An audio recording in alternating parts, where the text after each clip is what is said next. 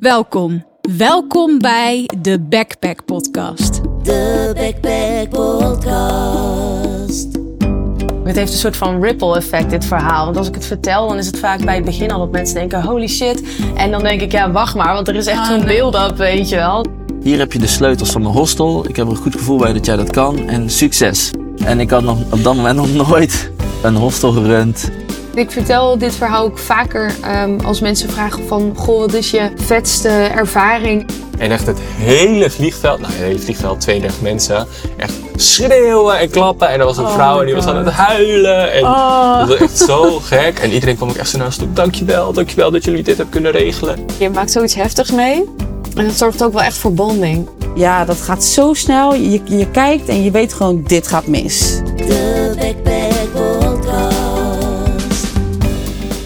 Mijn naam is Inger en ik ga je in deze podcast meenemen door de meest bizarre, spannende, epische reisverhalen. Elke aflevering vertelt een gast zijn eigen reisverhaal.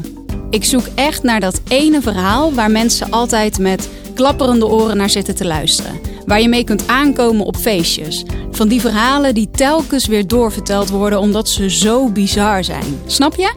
Dat soort verhalen zul je deze podcast horen.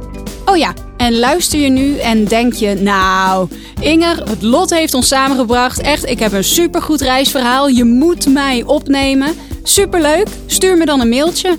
Dat mag naar inger.thebackpackpodcast.nl Dat is dus Inger met een R erachter. Heel belangrijk. Nou, genoeg gekletst van mij. Ik wens je een hele fijne reis en heel veel luisterplezier. Tot snel!